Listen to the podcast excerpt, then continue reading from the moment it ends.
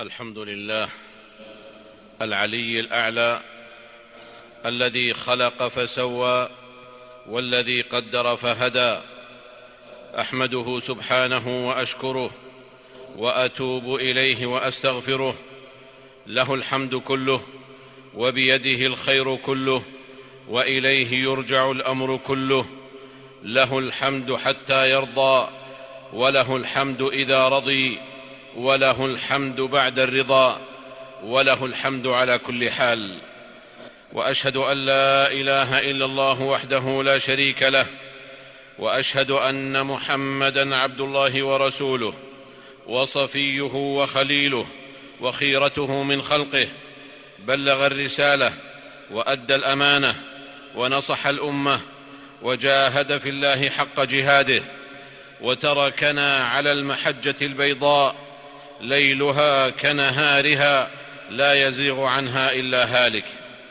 فصلوات الله وسلامه عليه وعلى آل بيته الطيبين الطاهرين وعلى أزواجه أمهات المؤمنين وعلى أصحابه الغر الميامين ومن تبعهم بإحسان إلى يوم الدين وسلم تسليما كثيرا. أما بعد فأوصيكم أيها الناس ونفسي بتقوى الله في السر والعلن والخلوة والجلوة والاعتصام بكتابه وبهدي رسوله صلى الله عليه وسلم فهما النور في الظلم والنجاة في المحن ما خاب من انتهجهما وما أفلح من قلاهما وأطيعوا الله والرسول لعلكم ترحمون عباد الله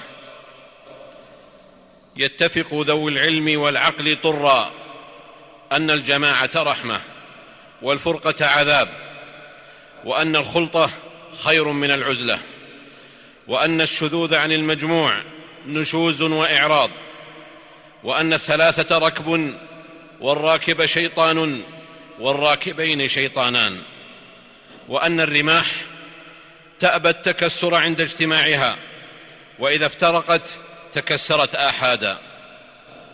وأن الفرد ضعيف بنفسه قوي بإخوانه. هذا هو منطق ذوي العلم والحجى وهو الذي به عمارة الأرض على ما يحبه الله ويرضاه على ما يحبه الله ويرضاه لعباده. ومن يشاقق الرسول من بعد ما تبين له الهدى ويتبع غير سبيل المؤمنين نوله ما تولى. ونصله جهنم وساءت مصيرا. قال رسول الله صلى الله عليه وسلم ما من ثلاثة في قرية ولا بدو لا تقام فيهم الصلاة إلا استحوذ إلا قد استحوذ عليهم الشيطان. فعليكم بالجماعة فإنما يأكل الذئب من الغنم القاصية. رواه أبو داود. وقال صلوات الله وسلامه عليه عليكم بالجماعة وإياكم والفرقة فإن الشيطان مع الواحد وهو من الاثنين أبعد. من أراد بحبوحة الجنة فليلزم الجماعة ومن سرته حسنته وساءته سيئته فذلك المؤمن. رواه الترمذي.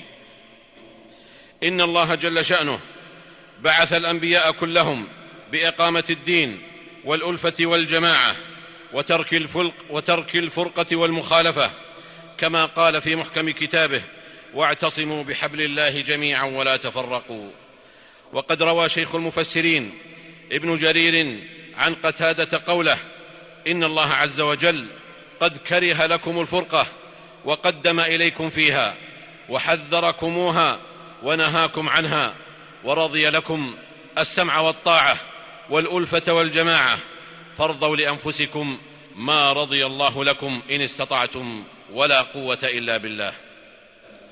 إذا فهم ذلكم عباد الله فاعلموا أن المجتمعات الواعية هي تلكم التي تجعل من ضرورياتها حفظ منظومتها بتأليف مجموعها وضم بعضه إلى بعض وحماية تلك المنظومة من انفراط جمعها أو نقض غزلها أو فتق خرزها واعتبار كل انفراد خارج عن سبيل مجموعها شذوذا ونشازا فإن الشذوذ عباد الله هو الانفراد والمفارقة عن السواد الأعظم باعتقاد أو فكر أو قول أو فعل أو هيئة مخالفة للحق تارة أو الجماعة تارة أخرى أو الأخلاق تارة ثالثة. والشذوذ عباد الله ضربان اثنان إما بالقلب وإما بالجوارح. فأما الشذوذ بالقلب فإنه يكون بالاعتقاد الفاسد والفكر الشاذ المخالف لما عليه أهل الحق في التوحيد والإيمان. وأما الشذوذ بالجوارح فإنه يكون بالترك تارة وبالفعل تارة أخرى. فأما الشذوذ بالترك فهو مفارقة الجماعة وترك السمع والطاعة لمن ولاه الله أمرها. فإن هذا مسلك خارجي خطير ورسم شر مستطير. قد أجمع أهل العلم قاطبة على نكيره والتحذير منه وأنه شذوذ ومنكر لا تهاون مع فاعله كائنا من كان. لأن النبي صلى الله عليه وسلم قد حسم ذلك بقوله من خلع يدا من طاعة لقي الله يوم القيامة ولا حجة له ومن مات وليس في عنقه بيعة مات ميتة جاهلية. رواه مسلم. وأما الشذوذ بالفعل عباد الله فقد يكون بالفتاوى الفقهية التي يعرف عنها بعدها عن المسار الفقه عن مسار الفقه الإسلامي. التي يعرف عنها بعدها عن مسار الفقه الإسلامي مع تباين ظاهر بينها وبين الخلاف الفقهي المعتبر. بل إنها تجاوزته إلى حد الشذوذ وهي التي تعرف بالآراء الفقهية الشاذة أو الفتاوى الشاذة التي تخالف اجماعا صريحا ولا تنسجم مع مقاصد الشريعة والعقل الصريح. وهذا ضرب لا يخلو منه عصر ولا قطر يشوش بها أصحابها منظومة الفتوى في المجتمعات ويلبسون على المتلقين شريعتهم فيقعون في الخلط والتشويش ثم يضطربون في مصدرية الفتوى لديهم فلا حول ولا قوة إلا بالله. ثم انه قد يكون الشذوذ ثم انه قد يكون الشذوذ كذلكم في الهيئة واللباس كلباس الشهرة التي يخالف بها فاعلها ما عليه عامة الناس حتى يصبح شاذا عن لباسهم منفردا عن هيئتهم. فقد قال رسول الله صلى الله عليه وسلم من لبس ثوب شهرة في الدنيا ألبسه الله ثوب مذلة يوم القيامة. رواه أحمد وأبو داود. والمراد والمراد بثوب الشهرة ما كان فيه ترفع خارج عن العادة يفضي إلى الكبرياء. وكذلك ما كان فيه تخفض وزهد خارج عن العادة إلى درجة تكلف التواضع. فإن السلف كانوا يكرهون الشهرتين ثوب الترفع وثوب التخفض. ثم اعلموا يا رعاكم الله أن من الشذوذ بالفعل مخالفة فطرة الله التي فطر الناس عليها في غرائزهم وما شرعه لهم من النكاح من النكاح بكلمة الله في قوله فانكحوا ما طاب لكم من النساء مثنى وثلاث ورباع نعم يا رعاكم الله إن شذوذا غريزيا يتخذه مواقعوه نمط حياة لهم لهو انتهاك للناموس السائد في الكون فضلا عن نسفه ملة الإسلام والفطرة السوية. ويزداد ذلكم الشذوذ شذوذا حينما يتحول مواقعوه ومشيعوه من حال الدفاع عن شذوذهم إلى حال الهجوم لفرضه واقعا ملموسا عبر الانتقال من اللفظ الوحشي للشذوذ إلى الإغراء بلفظ المثلية. من أجل أن تخف وطأة اللفظ على مسامع الناس حتى تألفه. ومن ثم تتوهمه حقا شخصيا سائغا ولو على تخوف أو استحياء.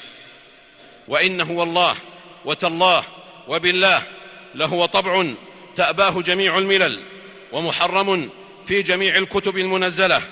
وقد قال لوط عليه السلام لقومه أتأتون الذكران من العالمين وتذرون ما خلق لكم ربكم من أزواجكم بل أنتم قوم عادون.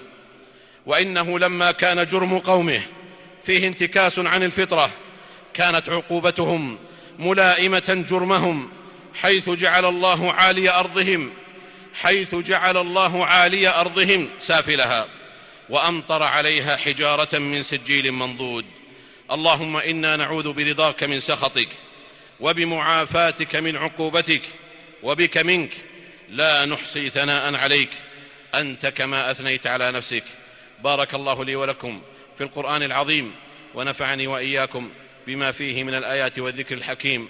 أقول ما تسمعون وأستغفر الله لي ولكم ولسائر المسلمين والمسلمات من كل ذنب وخطيئة فاستغفروه وتوبوا إليه. إن ربي كان غفورا رحيما.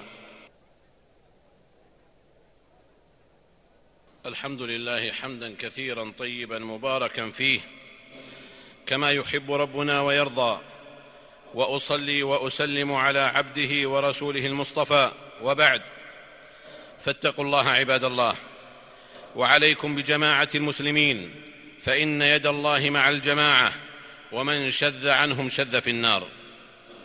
ثم اعلموا يا رعاكم الله أن الشذوذ شر كله وهو ميل عن الفطرة وسدود وصدود عن العلم واستغناء عن الجماعة. الشذوذ عن السبيل غفلة تورث انحرافا يؤزه غرور وبطر وغمط في آن واحد. وسبيل الجماعة ليس تبعية مقيتة ولا صاحبها إمعة ممقوتا بل إن لزومها وترك الشذوذ عنها هو عين العقل وعين الحكمة وعين العلم. وعين السلامة والشذوذ كغيره من الأدواء له أسبابه ودوافعه فمنها الذاتي ومنها الاجتماعي فمن الذاتي ضعف الوازع الديني لدى من شذ أو خلوه منه أصلا وكذا اعتداده بنفسه وحبه المخالفة حتى يحصل الشهرة على حد المقولة الرائجة خالف تذكر ومن الأسباب الاجتماعية قرناء السوء والمؤثرات المتنوعة إبان غفلة عن مصادر التلقي الموثوقة التي يعول عليها الباحثون عن الحكمة. فإن لوسائل التواصل الاجتماعي على اختلاف تنوعها اثرا بالغا فيما يقع فيه المرء من شذوذ فيما يقع فيه المرء من شذوذ وانفراد من خلال ما يبث فيها من تحريض على الجماعة والحكمة والعقل والمنطق والصبغة الشرعية والذوق العام. نتيجة سياق نتيجة سياق وراء شائعات من أمن أو خوف أذاعوا به. وإنه إذا كان الشذوذ المذموم هو النشوز والانفراد عن السواد الأعظم الذي تدثر بالحق في مجموعه وهذا هو الغالب في كل عصر ومصر إلا أن القاعدة قد تتخلف في نطاق ضيق نادر. حال حصوله آخر الزمان فإن الانفراد يكون حينئذ محمودا كما دلت على ذلكم نصوص السنة النبوية. فإن المرء قد يكون على الهدى والحق إبان كثرة سالكي ضده. ففي مثل ذلكم يحمد الشذوذ بمعنى مخالفتهم والانفراد عنهم واعتزالهم كما في قول النبي صلى الله عليه وسلم يوشك أن يكون خير مال المسلم. يوشك أن يكون خير مال المسلم. غنما يتبع بها شعف الجبال ومواقع القطر يفر بدينه من الفتن. رواه البخاري. وكما في قصة حذيفة رضي الله عنه حينما ذكر له النبي صلى الله عليه وسلم فتن آخر الزمان قال حذيفة بعد فما تأمرني إن أدركني ذلك؟ قال صلوات الله وسلامه عليه تلزم جماعة المسلمين وإمامهم. قلت فإن لم يكن لهم جماعة ولا إمام قال فاعتزل تلك الفرق كلها ولو أن تعض بأصل شجرة حتى يدركك الموت وأنت على ذلك. رواه البخاري ومسلم. اللهم إنا نعوذ بك من الفتن ما ظهر منها وما بطن ونعوذ بك اللهم أن نشاقق الرسول من بعد ما تبين لنا الهدى ونتبع غير سبيل المؤمنين. ونسألك الثبات على دينك ولزوم جماعة المسلمين وإمامهم حتى تقبضنا إليك غير مبدلين ولا مفتونين. هذا وصلوا رحمكم الله على خير البرية وأزكى البشرية محمد بن عبد الله صاحب الحوض والشفاعة. فقد أمركم الله بأمر بدأ فيه بنفسه وثنى بملائكته المسبحة بقدسه وايه بكم أيها المؤمنون فقال جل وعلا يا أيها الذين آمنوا صلوا عليه وسلموا تسليما اللهم صل وسلم على عبدك ورسولك محمد صاحب الوجه الأنور والجبين الأزهر وارض اللهم عن خلفائه الأربعة أبي بكر وعمر وعثمان وعلي وعن سائر صحابة نبيك محمد صلى الله عليه وسلم وعن التابعين ومن تبعهم بإحسان إلى يوم الدين وعنا معهم بعفوك وجودك وكرمك يا أرحم الراحمين. اللهم أعز الإسلام والمسلمين. اللهم أعز الإسلام والمسلمين. اللهم أعز الإسلام والمسلمين. واخذل الشرك والمشركين. اللهم انصر دينك وكتابك وسنة نبيك وعبادك المؤمنين. اللهم آت نفوسنا تقواها وزكها أنت خير من زكاها. أنت وليها ومولاها. اللهم آمنا في أوطاننا وأصلح أئمتنا وولاة أمورنا واجعل ولايتنا في من خافك واتقاك واتبع رضاك يا رب العالمين. اللهم وفق ولي أمرنا لما تحبه وترضاه من الأقوال والأعمال يا حي يا قيوم. اللهم أصلح له بطانته يا ذا الجلال والإكرام. اللهم وفقه وولي عهده. لما فيه صلاح البلاد والعباد. ربنا أتنا في الدنيا حسنة وفي الآخرة حسنة وقنا عذاب النار. سبحان ربنا رب العزة عما يصفون وسلام على المرسلين وآخر دعوانا أن الحمد لله رب العالمين.